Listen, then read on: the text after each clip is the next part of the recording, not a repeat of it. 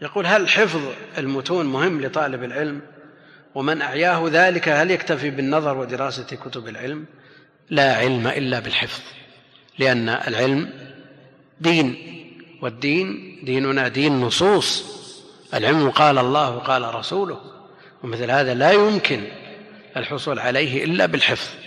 وقبل سبعين أو ثمانين سنة لما جاءت النظريات التربوية من من الغرب والشرق إلى بلاد المسلمين أشاعوا بين الناس أن الحفظ يبلد الذهن والعبرة بالفهم.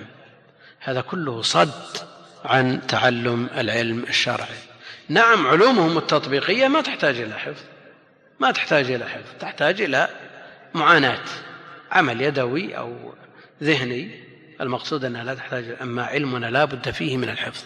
لكن قد يقول قائل أنا جربت الحفظ عجزت والناس يتفاوتون. منهم من يستطيع أن يحفظ الورقات يعني خمس ست عشر ورقات في ساعة ومنهم من لا يستطيع أن يحفظ عشر كلمات. ومنهم من لا يستطيع البتة يحفظ اليوم عشر كلمات أو سطر أو سطرين ثم يرددها بقية اليوم ثم إذا أصبح إذا ما في شيء. مثل هذا عليه بمعاناة العلم. كيف معاناة العلم؟ عندك هذا المتن عجزت حفظه امسك الجمل جملة جملة اكتبها. اكتب هذه الجملة. راجع عليها الشروح. راجع عليها كتب الغريب كتب المشكل كتب كذا إلى أن يستقر العلم في ذهنك. بالمعاناة ينحفر القلب فيدخل فيه العلم. ومن أوضح الأمثلة على هذا جلال الدين المحلي وجلال الدين السيوطي.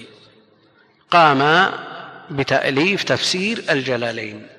المحلي يقولون ذهنه يثقب الفولاذ. يعني عنده فهم قوي جدا جدا وحفظه لا شيء. السيوطي يقول إنه يحفظ مئتي ألف حديث ولو وجد غيرها الحفظ لكن ما وجد إلا هذا العدد. فهذا غاية في الحفظ وهذا غاية في الفهم.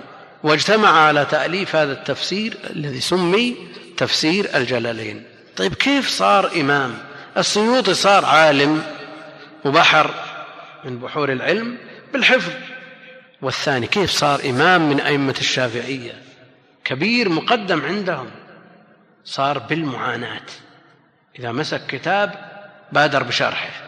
والآن طالب العلم بإمكانه أن يجمع من العلوم الشيء الكثير وإن كانت حافظته ضعيفة. قد يقول طالب علم أنا قرأت تفسير ابن كثير الآن لو لو أعصر ذهني أكتب صفحة من خلال التفسير كله ما قدرت. نقول امسك التفسير مرة ثانية واختصر التفسير ويثبت في ذهنك الشيء الكثير. فالاختصار من وسائل التحصيل. الشرح لهذه المختصرات الصغيرة اشرح فالشرح من وسائل التحصيل. هذا شرح ضع عليه حاشية اكتب عليه نكت. يعني أنقل من كتاب إلى كتاب. هذه معاناة العلم. ولا يعني هذا أنك تكتب لتؤلف وتنشر للناس لا تعاني العلم من أجلك من أجل نفسك من أجل أن يثبت العلم في ذهنك.